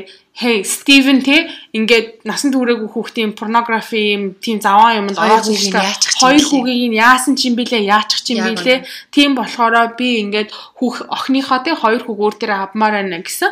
Тэгсэн чинь Аз ол шүүх түүнийг сонсоод Вашингтон мужийн шүсүүсний ээж авт хоёр хүүг төр зур асран хамгаалах зөвшөөрөл өгсөн байгаа. Яагаад төр зур гэхээр одоо нөгөө нэг Стивентэй хамт амьдарч байгаа ч гэсэндээ Жош ч нь бол ер нь албан ёсны асран хамгаалагч нь штэ Мгм, хоёр хүүхдийнхаа аав нь а тэгээд шүүх а, Жошт хэлэхдээ чи Стивний гэрээс нүүх ёстой. Нэгдүгээрт хоёрдугаарт бас ин хид хідэн төрлийн үнэлгээ чамд хийх ёстой. Яагаад гэвэл чи хүүхдүүдээ болон чи өөрөө бас ийм Стивен гэдэг хүний орчинд байсан учраас ямар ч нөлөө чамд үзүүлсэн юм бэлээ гэдэг утгаараа. Одоо энэ бүх юм шийдэгдэх хүртэл хүү- хоёр хүүхд чинь Сьюзний ээж харах болно гэж байхгүй. За тэгээд тэр хит хитэн төрлийн үнэлгээ хийлгэн шаардсан юу юу байсан бэ гэхээр түүний санхүү хэр байна? Те чи ажил төрөл яаж? Чинь чи урд нь бас хэрэг төвөгт оролцож оролцож ийсэн үү? Тэгээ бас чиний хүүхэд хүмүүжүүлэх ур чадвар чинь хэрвээ чи тиймэрхүү юмар одоо одоо сэтгэл зүйчтэй уулзуулж ийм үнэлгээ хийлгсэн байгаа. Аа бас тэр хооронд бас ингээд хүүхдийг нь 100% ингээд өөрөөс нь холдуулах биш нийгмийн ажилтны хяналтанд ор уулзаж болно те 7 хоногт 2-оос 3 удаа гэдэг. Гэхдээ заавал хяналтанд байх тийм шийдвэр гаргасан. Нэг юм нь болохоор нөгөө нэг дайн дээр дачин гэдэг шиг 2012 оны 1 сард Жошийн компьютероос юм хачирхалтай зүйл олцсон байгаа. Юу олцсон бэ гэхээр хүүхдийн порн зураг bestiality буюу аратан амтантай бэлгийн харьцаанд орох бол одоо нөгөө нэг амтантай унтах те нэг тийм юм сонирхолтой заан хүмүүс идэв шүү дэлхий дээр чи 9 шидэл юм байдаг шүү дээ. Тэгээд тэр заван тиймэрхүү юм одоо suggest хийсэн тий? А болон incest буюу одоо гэр бүлийн хүмүүсийн хоорондох тийм бэлгийн харьцаатай холбоотой тийм сонин сонин юмнууд олцсон. Гэхдээ тэр нь энэ Жош ингээд зурцсан зурагнууд яг ингээд амьд зурагнууд биш зүгээр юм зурсан зураг. Өөрөө ингэж санаанаасаа төсөөлөн бодож зурсан зураг байхгүй Жошийн автаа адилхан навш шүү дээ. Тий, тий үүнийг ингээд Жошийн эсрэг хэрглэж чадаагүй учир нь болохоор юм амьд зураг биш байсан. Зүгээр л зурсан зураг. Хүний одоо одоо төсөөлөл гэдэг утгаараа ерөөсөө хэрглэж чадаагүй нэгдүгээр. Хоёрдугаарт энэ мэдээлэл Сүүзний ээж авт хүрээг байгаа байхгүй? Яагаад хүрээг мэдгүй? Хэрвээ хүрсэн бол энэ мэдээллээр одоо дөрөөлжтэй амар шүүхтэр дуустай байсан штэ. Гэтэл ээж аав мэддэггүй. Тэгтээ шүүхийн талаас авсан нэг арга хэмжээ нь болохоор Жошиг psychosexual evaluation буюу одоо бэлгийн дур сонирхлынхаа үнэлгээ хийлгэхийг шаардсан тий сэтгэл зүйчтэй ярьж чамайг одоо юу сэрлэж үлдэх юу сэрлэж үлдэх яадаг вэ? Хүчний сонирхол чинь юу тий одоо гаж тий нормал байна. уу гэдгийг угаасаа хүүхдийн порно гараад ирсэн юм чи хүүхэд тараас сэрлэн хөдөлдөг байсан бол болохгүй шүү дээ тий чи хоёр хүүхдээ бас яаж хүч хийлэл оруулж байгаа юм бэлээ? Хэн мэдгүй тий за тийм үнэлгээ хийлгэх болсон одоо шүүхийн нааша цаашаа би чи энэ хэрэг тийм хэрэг ийм баримт тийм баримт гэж явж явах хооронд Жош ингээ хоёр хүүтэйгээ 7 хоногийн 2-оос 3 удаа нэг э, ажилтны хяналтанд оролцож байгаа шүү дээ. Явсаар агаад 2012 оны 2 сарын 5-нд Жошийн заваа юм олцсны нэг сарынхан дараа хоёр хүүтэй нь уулзуулах гад нийгмийн ажилтан Жошийн гэрт ирсэн баг. Тэгээ хүүхдүүд аавыгаа хараад мэдээж ингээ жоохон хүүхдүүд юм чинь амар баярлалаа шүү дээ. Өөс та аав аав гэж хоёр хүүхэд нь ингээ ааваа гээд гэрлүүнгүүгөөд орцсон гэж байгаа байхгүй. Нийгмийн ажилтанд баг ингээ хойно нэг 2 3 хан алхмын хойно явж исэн. Тэгээл гэрлүүн орох гэсэн чинь Жош шууд хаалгаа ингээд хаан төгчсөн заяа. Хаалгаа нь ингээд тас хаацсан гэж байгаа байхгүй. Тэгээ хаалгыг ингээ болбсон боловч тэр ингээ хаалгаа онгойлгож өгөөгүй. Айсан нөгөө нийгмийн ажилтнууд ингээ 911 лөө дуудаж хэлсэн гэж байгаа. Би ингээ ийм юм ингээ ажил ажил хийд юм аа. Би ингээ хоёр хүүхдийг нь авчрах гад ингээ Жош дээр ирсэн чинь хаалгаа онгойлгож төгччихлээ. Тэгээ ингээ тэр нийгмийн ажилтныг хэлэхдээ гэрээс нь бас ингээ газ үнэртэй байна. Би хүүхдүүд нь амар санаа зовж ин гэсэн чинь 911-ийн нөгөө диспатчер хэлж байгаа байхгүй.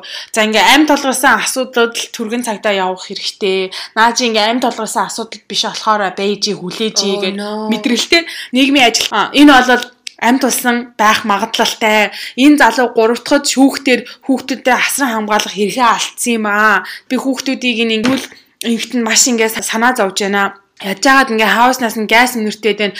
Дэлбэрч магадгүй би ерөөсөө машинаа холдууллаа. Ингээд бушуухан шиг ингээ түргэн тусламж явуулаад таач гэдгсэн ба. Тэгсэн чинь диспатчер нь хэрэгтэй сте амт тулсан юмд явуулна муу ингээд нааша цааш нааша цааш хэрүүл хийсээр байгаад амжаагүй хэдэн минутын дараа хаус дэлбэрч Жошо Паул болон түүний хоёр хүү 7 настай Чарльз 5 настай Брейден нас орсон. Яа. Бүр ингээ амар дэлбэрсэн тэр бичлэгэн дээр нь бүр зүгээр амар галт амар хасж байгаа юм чинь. Яа. Нийгмийн ажилтан дараа нь ингээ ярилцлага өгсөн юм байгаа байхгүй юу? хэл тэр хэлэхдээ ингээ хаалга хаагдсны дараа Жошиг юм хэлхийг сонссон.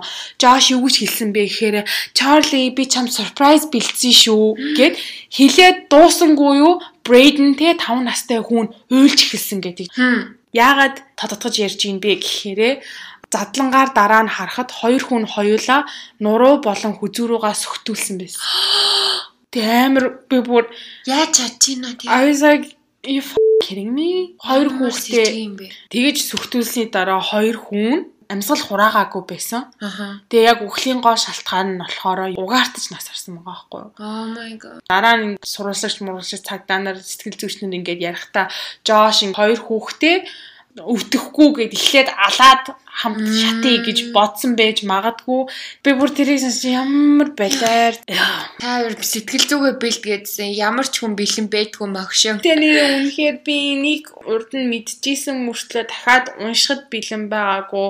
Би дөнгөж сая цагийн өмнө бич дуусчаа дахиад уншихад бэлэн биш л байна. Йоо бүр Эднэртэй адилхан адгуус биш л бол угаасаа хизээч бэлэн болох ч юм те. Ийм юм шлээ. юм байх юм бэ.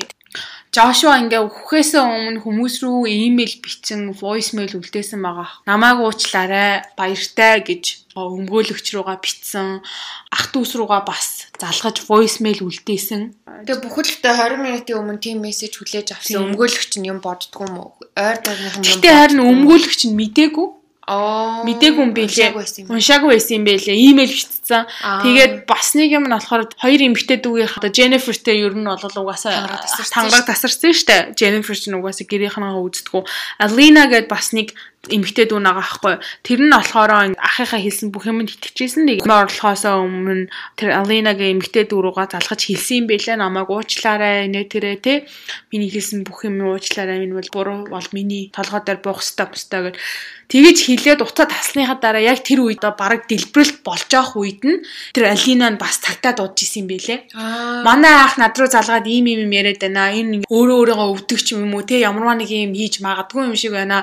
Та нар ингээд тусламж явуулаач гэ яг тийм ярианд болж исэн юм байлээ. Гэтэл дэндүү оройтсан байсан.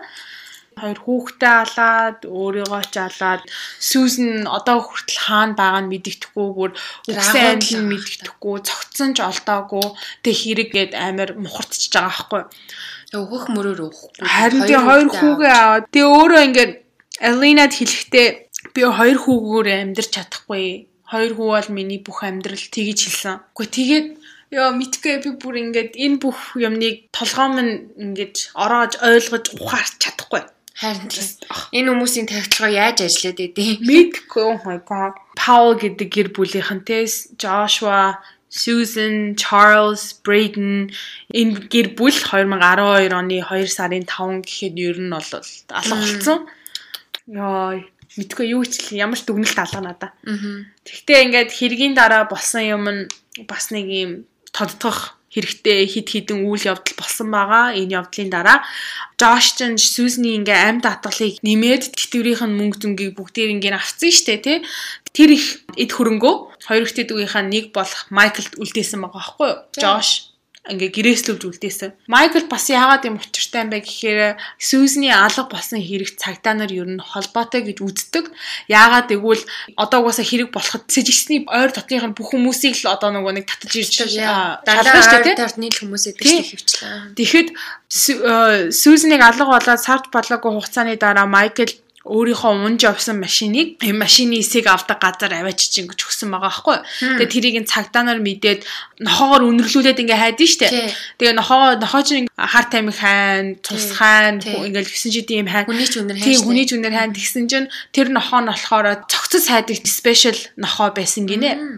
Инчээ цогцос байсан байна уу? Одоо decomposing илжирж исэн цогцос бай- байсан байна уу гэдэг шалгадаг нохоо байсан. Тэр нохоогоор ингээд дамжуулаад шалгахад Майклийн тэр хаягдсан машины хойно илжирж исэн цогцос цогцос байсан гэсэн мэд ба баримт гарч ирсэн. А гэхдээ ДНК-гийн шинжилгээгээр inconclusive дүгнэлт хийх боломжгүй гэсэн тийм мэдээ гарч ирсэн байгаа. Майкл Жошиг дагаад бас эвлэл мэдээллээр амар атаклуул. Майкл юу юм мэдж байна. Майкл яагаад мэдүүлэг өгөх амар сэтгэл санааны дарамт өгдөг байсан гэдэг жаах. Тэгээд Жош гэрээ дэлбэлсний жилийн дараа 2013 оны 2 сард Майкл Миннесота мужийн Миннеаполис гэдэг хотод 7 давхар гараашн дээрээс үсрэн амиа хорлсон. болж. Физ хэрэгтэйг амьдарч чадахгүй байхгүй юу? Тэгээ миний би л бол тэгж ойлгосон. Ингээ хилс хэрэгтэйгээ амьдрч чадахгүй. Тэр Майкл бол ямарваа нэг юм мэдчихсэн, гар оролцсон. Тэгээ дээрээс нь хамаг эд хөрөнгийг нь авцсан. Тийм амар цус нүчтэй мөнгөөр хин жаргаж амьдрах штэ. байдэ. Тийм биз дээ. Миний бодоор бол Үүлийн үр. Үүлийн үр. Үүлийн үр. ястай. Үүлийн үр Йоо, тэгэж нас орсон мага. Тэр гэхдээ нөгөө хэрэгтнүүд ингээд олдож молдоод би өөрөөсөө өөрөө өөртөө амьдрч чадахгүй ингээд өөрөө өөрийгөө алдсан болохоор амар баяртай байгаа болохоор инээлдэж чанаалдаад амар гоё юм ч шиг. Муухай юм ярьж иж бити нэгэдэ гэдээсэн шүү. Харин тэгээд байсан. Гэтэ эн чинь яг хүн хүний одоо муухай мэдээлэлтэй тэрийг яаж хүлээж авах тэрэнд ямар яг зүөх чинь шал өөрөд байхгүй тий. Бид хоёр бол яг уу инээ чанаагаад нэг жоохон амар хүн сэдвийг сэдвийг жоохон хөнгөлж ярьж байгаа болох. Ярих гад та нар ч гэсэн арай нэг хөнгөн сонсогдуулахын тулд гэж. Тэрнээс бид хоёр амар тийм аль би басны хоолоо гаргаад тэнэгтүүл тэнэгтэн штэ гэж. Штэ. Тэр чинь бол хоёрын стайл те. Энэ бол хоёрын стил. Тэгээ сонсох дургу бол угаасаа хэлдэг штэ. Хэрэггүй шүү гэж. Йоо. За тэр яг хөө тиймээ сайхан амтэн шүү. За тэгээд нь штэ Майклыг нас орсны дараа одоо маш их ий төрөнгө орштой 1.5 сая ам доллар гэдэг чинь маш их мөнгө зөвхөн амьд хадгалын мөнгө тий. Тэгээ дээрээс нь Josh, Susan хоёрын амьдарч ирсэн Utah дахь хаус байгаа. Үл хөдлөх хөрөг. Тэгээ тэр хоёрын чинь бас тэтгэврийн дансны мөнгө гээд амар их мөнгө байгаа байхгүй юу? Тэгэж нас барсны дараа одоо яг хуулиараа ярих юм бол Майклд одоо гэрээслүүд үлдсэн болохоор Майклих гэж үзээд Жошийн ээж Терика болон эмэгтэй дүү Алина хоёр нийлж энэ ид хөрөнгө манай гэр бүлд ирэх ёстой гэж шүүхт очиж авах гэж оролцсон боловч Сүсний ээж аав хоёр ёстой юу яриа солиороод байгаа юм бэ? Одоо болоо Одоо бойл танаа гэр бүл чинь манай гэр бүлийг ингэж сүйтгэчээд байна. Зүгээр л зүгээр шүүхээр яри, ярих юмар нь яри, хуулиар нь яригээд явсаар агаад 2015 онд буюу 2 жилийн дараа Сүсний ээж аав шүүхийн тулаанд ялж эд хөрөнгийг өөрсдийн нэр дээр авсан байгаа. Ашиггүй ашиг. Тэгээ бүх юм ингээд авчиж байгаа. А бас тий Сьюзний ээж аав хоёрын хийж байгаа бас тодотгох ёстой зүйл бол Вашингтон мужийн улсын нийгмийн эрүүл мэндийн үйлчилгээний байгууллагыг шүүхэд дуудсан. Яагаад тэгж дуудсан бэ гэхээр нэгдүгээр танаа тэр нийгмийн ажилтан чи ажиллаа сайн хийгээгүй. Хоёрдугаар танаа хүүхэд асран хамгаалах энэ хууль чинь шүүх чинь Жошийн эрхийг хоёр хүүгийн минь аюулгүй байдлаас илүүд тавьсан учраас энэ хоёр хүү минь одоо ингээд нас орсон байна. За тэгээд Сүсний ээж аав хоёр энэ хэрэгээр тэмцэж тэмцэж 2020 оны 7 сарын 31-нд буюу яг 27 хоногийн өмнө энэ шүүх хуралд ялж Вашингтон мужаас 98 сая ам долларын нөхөн төлбөр авсан. Oh my gosh. Гэтэ яг амар их л мөнгө л байна л да. Гэтэ яаж тэр муу хоёр ач. Одоо удмын залгах хоёр ачийг яаж яаж шаардах вэ?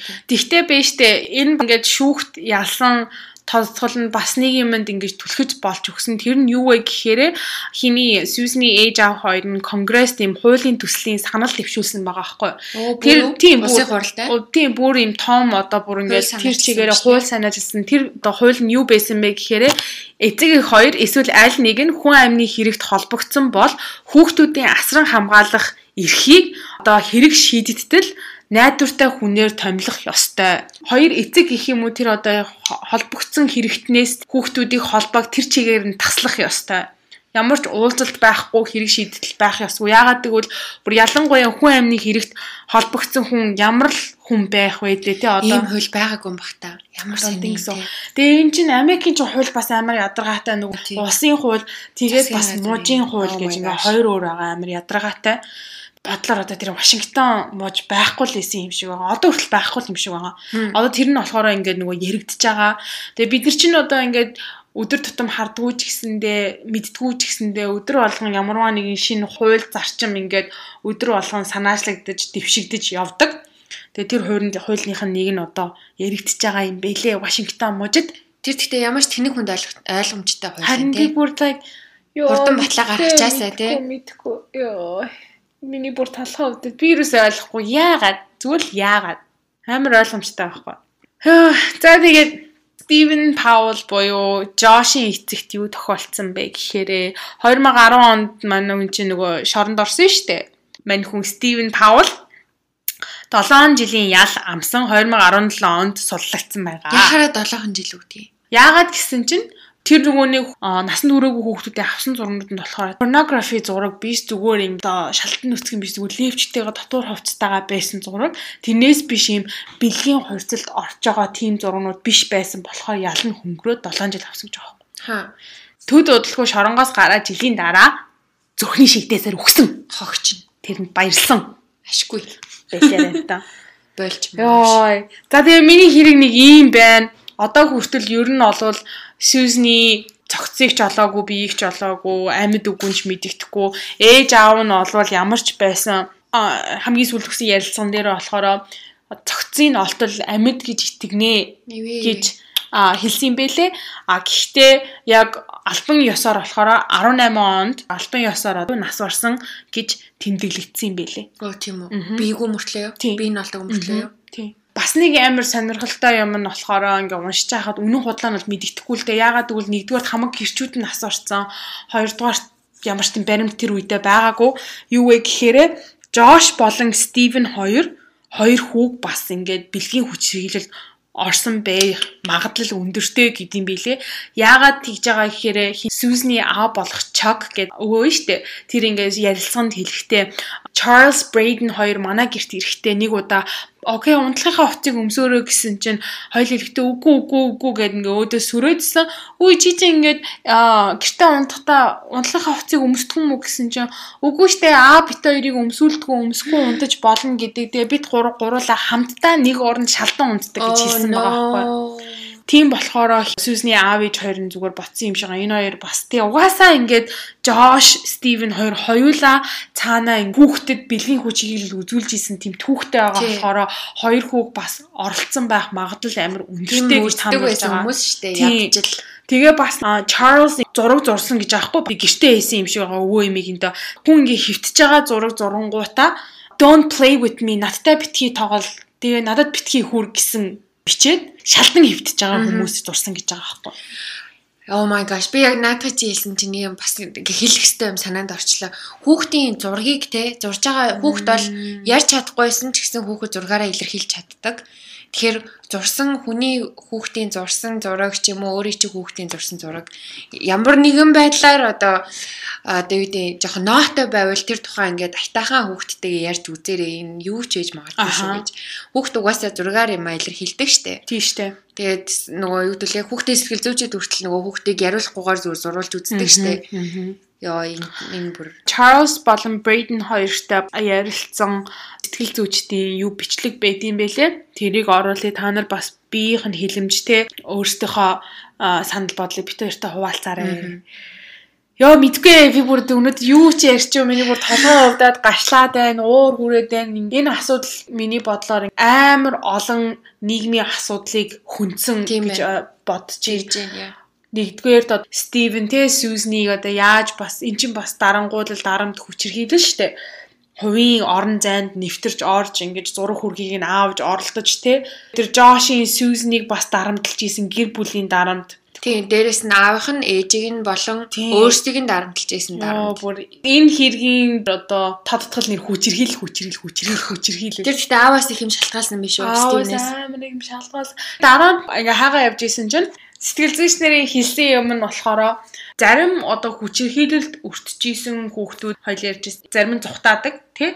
А Жошийн хувьд яагаад ингэж эцэгтэйгээ ингэж дотн харьцаа үүсгэх болсон бэ гэхээр айдаг хүнийхээ гаргаж байгаа зан харан шиг ингэж дуурайж копид ингэж гаргаж ижилхэн ингээ байдал үзүүлэх юм бол хүчирхийлэгч нь өөрт нь одоо зөөлхөн хандах магадлалтай гэж толгойдоо нөгөө процесс хийгээд бодоод тэгэнгуутаа яг Стивентэй адилхан зан гаргаж эмгтэй хүний хүндэлтгүү эмгтэй хүнийг дарангуулж ингээд ер нь жоохон насан туршаагүй хүүхдийн порнографи сонирхогч юм уу тиймэрхүү юмыг өвлөж авснараа аавдаа илүү таалагдаж адил сонирхолтой найзууд болох гээд үзээд байгаа юм шиг харин чи ер нь аавынхаа таашаалд хүрэх гэж те байх гэж магадлал гаргадсан байлээ. Ер нь тийм одоо реакц өгсөн байхаа.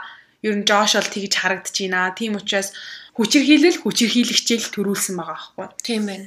Тэгээ нөгөө чи бас хэрэлж ийсэн штэ урдны урд урдны дугаар дээр хүчирхийлүүлэгч төрүүлгээ боли, хүчирхийлэгч төрүүлгээ боли, дээрэс нь тийм хүмүүс хүмүүжүүлэхэ болий те. Энд ч угаасаа дан ганц эмэгтэй хүний ажил биш бас эрэгтэй хүний ажил штэ. Тэгэхээр хоёул хоёлаа анхаарыг эрэгтэй хүн сонсч ивэл те хүүхдтэй анхаар please гойж ин. Эмэгтэй хүмүүс бол хангалттай анхаардаг бэ гэж бодож ийн гэж. Ямар ч эмэгтэй хүн одоо сэтгцээ өвчтэй биш болвол арайч тэгэж. 100-ы одоо 99% нь бол үнэхээр анхаарч байгаа. Бас заримдаа тэр нэг нэг 0.1 30% байна. Тий. Тэд нар бол угаасаа нөгөө хуваа одоо дарих тамхи одоо юу гэдэг хар тамхиугаа явцсан хүмүүс байна, сэтгцээ өвчтэй ээж нар байна. Ихэнх нь бол тийхгүй баха тий. Гэтэ ер нь яг нэрэ зүг зүг яг хэлсэн шиг нийгмээс бүгдээр бид нар чинь нийгэм шүү дээ тий одоо нийгмээс бүгдээрээ хүч хийлүүлэх хүчээр хийлүүлэгчээ боли хүчээр хийлэгчээ боли тэг угаасаа хүчээр хийлэгч байхгүй хүчээр хийлүүлэгч байхгүй. Яг бас хүчээр хийлүүлэгч байхгүй тохиолдолд хүчээр хийлэгчд хийх ажил байхгүй учраас зогсно тий штэ. Мм тий штэ. Яг яг голын олончтэй Тэгэхээр охтодаа одоо юу гэдгийг хэрвээ танд би өнөөдөр оо дулмаа нэг юм хэлхий марцсан байж тээ. Аа өнөөдөр юу байсан? Би нэг Монгол юм үзэж явж исэн чинь фэйсбүүкээр үзчихсэн байхгүй гэсэн чи дараагийн видеор ингээ гараад ирдэ штэ. Тэгсэн чи нэг их чи ярьж байна царайгаа нууцсан. Тэгээд би ингээ 11 жил ингээд одоо ер нөхрийнхээ дарамтанд байлаа заяа. Намайг ингэж биеэрээч те үгээрээч бүх юмараа дарамталтай байсан. Би ганц охиноо өөрөө өнчи их юм байна л та. Тэгээд нөхөр нь ингээд дарамтлагтай хэлдэг гинэ би чам шиг эцэг одоо чи бараг одоо эцэг ихтэйсэн бол би чаа ингэж дээрлэх чадахгүй матахгүй гэж хэлдэг байсан гинэ. Тэнгүүт нөгөөгч чинь хүүхдээ тийм байхгүй гэж бодсны үндсэн дээр 11 жилийн турш одоо твцсэн байгаа байхгүй юу. За тэгээд ихч аз болж яаж салсан гэсэн чинь чинь нөхөр нэг өдөр өөр хүүхэн дагуулад ирсэн байгаа байхгүй юу. За ашгүй нэг балаа юм ингээд салчлаа тийм үү. Тэнгүү шүүхийн шийдвэрээр хоёр талд хүүхдээ ингэж явуул гэсэн шийдвэр гарсан байгаа байхгүй юу. Аа тэгээд ихч шүүхийн шийдвэрийг хүндлээд аав дээр нь хаяа хаяа хүүхдээ авчиж өгдөг байсны нэг нь түрүү 100 билүү 18 оны 100 билүү хүүхдээ 2 сарын туршид өгсөн. Дээрээс нь түрүү 100 дахиад нэг сарын турш жилөө өгсөн гэж байхгүй юу. Тэгсэн чинь тэр хооронд аавынх нь ихчийнх нь хүүхэд гэж аахгүй. Тэгэхээр тэр охины үеэл нь байгаа штэ. За тэр охины бүхэл зууны турш 2 жилийн зууны турш хүчирхийлсэн байгаа байхгүй юу?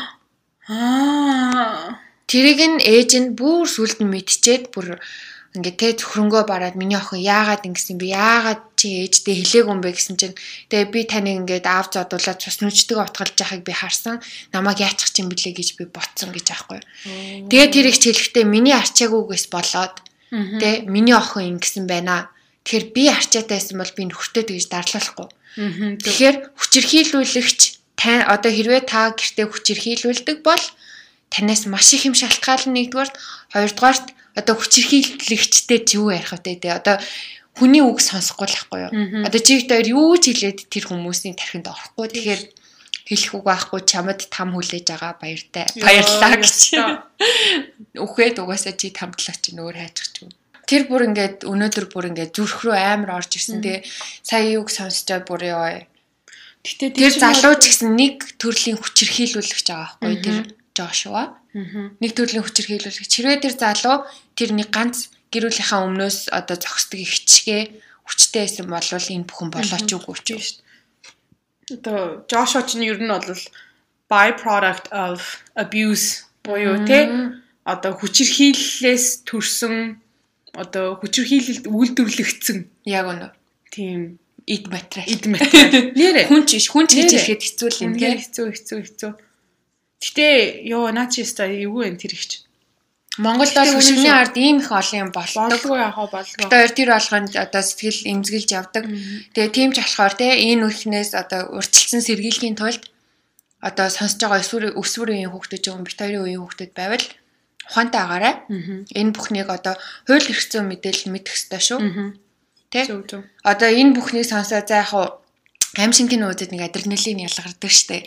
Тэрэн шиг тэгэж одоо ингээд окей битори яриаг сонсоод ингээд ийм трүк одоо бодит болсон явдлыг сонсох дуртай хүмүүс ээж магадгүй дээрэс нь өөртөө мэдээлэлээ сайн аваарэ. Одоо битори ярьж байгаа юм болгоныг Энэ зүгээр энэ төр entertainment биш шүү. Яг үнэ. Дээрээс нь бит хоёр давхар мессеж хүргэх гэж ядж байгаа. Тэрийг авч байгаа хүмүүс бас байлээ. Харсан бит хоёр баярлаа та нар ухаантай шүү. Түгээгээрээ. Гэхдээ бит хоёрын юмыг заавал шеэрлээ түгээгээд байх биш. Зүгээр өөрсдийнхөө авсан мэдээлэл сонсож байгаа юм одоо бас тий жижигхэн ч гэсэн зоригоо цаашаа түгээ хүмүүст яэр хийл асуу аж сонс одоо хилээд байгаа шүү гурав дахь нүдээ онгоолго Мм. эргэн тойрноо аж найз нөхдөд аж тий 10 жилийн хүүхдүүд ахын болол найзуудтайгаа аж үнэхээр нэр бидний үеийн хүүхдүүдэд одоо бидний жоохон байхад ч гэсэндээ ингээ хүчрхийлүүлдэг одоо бид нар харахад хүчрхийлүүлдэг байсан байгаа Магадгүй тий. бид нар мэдтгүү байсан. Одоо гэр бүл нь амар хэцүү. Манай монголчуудын ганц нэг муухай хэлдэг юм. Аа гэр бүлд ууж л байдгийн гэр бүлд хэрүүл болж л байдаг гэр бүл зодуул зодтолтож л байдаг. Үггүй за гэр бүлийн зүгээр нэг ганц хоёр нөө 9 шидийн юм дээр одоо нэг жижигхэн хөнгөн юм дээр хэрүүлхийх ондоо цаанаасаа хүчрхийлэл гэдэг чинь ондоо байдаг шүү. Ямар хүчрхийлэл чинь ямар шалтгаангүй ирдэг байхгүй юу? Зүгээр шалтгаангүй ирдэг. Дээрээс нь ойр тойрны хүмүүс идэлтэй Ойр хамгийн амар нь. Тэгээ эртээ нөгөө нэг Instagram дээрээ нөгөө шеэрлсэн хитэн фактууд исэн штэ. Би сторийн дээрээ тавьсан тий. Хүчирхийлэлт өссөн насанд хүрээгүй 7 болон 7-оос доош насны хүүхдүүдийн 93% нь дандаа таньдаг хүн болон гэр бүл найз нөхдийнхөө хүн хүнээр хүчирхийлүүлсэн байдаг. Энэ хүчирхийлэл нь зүгээр одоо зодоо модон биш шүү. Энэ бол зөвхөн бэлгийн хүчирхийлэл. 93% нь 7 настай болон 7-оос доош настай хүүхдүүдийн 93% нь зүгээр бодоод үзтээ. Энэ дандаа таньдаг хүмүүс тийм болохоор ойр тойрныхоогоо зүгээр сайн аж гуйж юм зүгээр л Яг. аж заяо юм хэл зүгээр хэлээ хэл яар яар гэж байгаа шүү. Би бинийгөө ойлгох гэж байгаа шүү. Ёо одоо бүр энэ I can't stress this enough. Бүр ингээд энэ бүр сайн тодтогч хэлмээр энэ just сонс. Зүгээр одоо чихнийхээ хажуугаар ингэж сонсох биш. Зүгээр л ойлгоод сонс заяа. Сонсох ойлгоод сонс. Дээрээс нь биеийн илэмж гэж асан юм байна те. Яаж энэ хүүхдийн танаас дүлж гин үү, тантай ямаа ярихгүй байна уу? Тэр болгоныг ажиглах хэрэгтэй. Ярилцах хэрэгтэй. Яа за үнэхээр гэхдээ ингээд одоо хоёлаа яриад байвал яриалаа. Энэ саяны хэрэг бол үнэхээр бүр гэр Бүх юмыг өдөөсөн юм байна Бүх юмыг хүндсэн, бүх юмыг өдөөсөн. Бүр гэр одоо зүгээр л хүчирхийллийг тэр чигээр нь бүр тал талаас нь хүндсэн тийм сэдв болохоор одоо хоёроо ер нь яриагаа дуусгахгүй болол бараг 2 цаг боллоо. Оо нөгөө хоёлынгийн яг өмнөх хэрэг дээр юу яасан байсан штэ.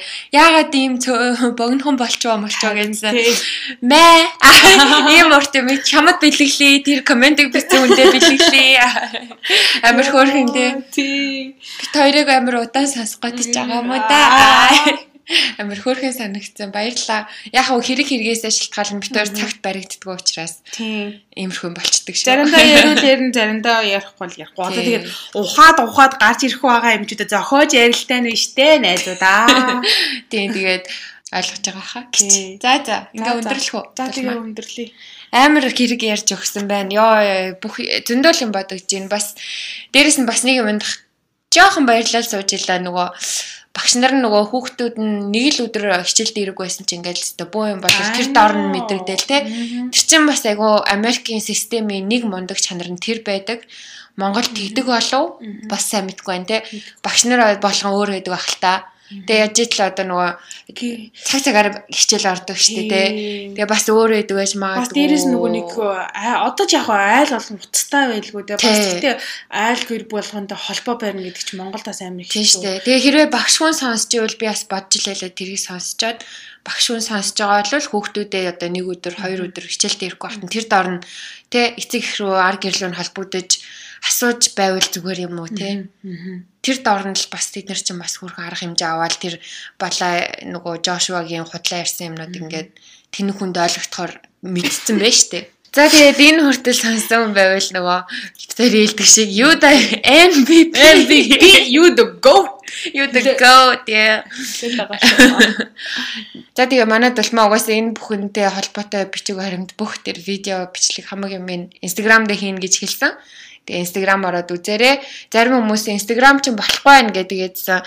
Яаж хайсан мэдгүй cocktail and crime гэж залгуулаа бичээрэй. Тэгэхээр угаасаа гараад ирнэ. Инста чинь чи заавал өөрөө нөгөө аккаунттай байх хэвээр. Аккаунттай байхгүй бол онгоодгүй байхгүй юу? Аа тэгвэл account-гүй болоод нөгөө зочны югаар орчоод Тийм хайгаад исэн юм болов? Тийм магадгүй. Тэгээ бас нэг зүйл нь угаасаа юу яцсан байгаа насанд хүрэхэд зориулсан контент болохоро жоохон restrict хийцэн байгаа. Аа тийм насанд үрээгүй Тийм, болол угаасаа чамд гарч ирэхгүй гэж. 16-аас доош настай бол угаасаа гарч ирэхгүй. Тийм. Бити оролт. Эртэл бас нэг коммент дээр тэгээ бичсэн байсан. Аа насанд өрөөгүй хүн үзвэл яах вэ гэхтээ эрслээ өөрөө даахгүй дөө хөшөө одоо. Юу хэлэхэр дээ их чин чамд. Тий дараа нь тэгээд түүлээ дээ. За тэр яг хоо тиймээ сайхан амт шүү амар их нуршчих шиг боллоо. Одоо энийг хүртэл сонссон бит хоёрын сүулдэ илэрхийг сонссон. Сонсогч байвал үнэхээр их баярлалаа. Тэгээд дараа дараагийнхаа дугаараар уулзцаая. Баяр таа. Bye bye.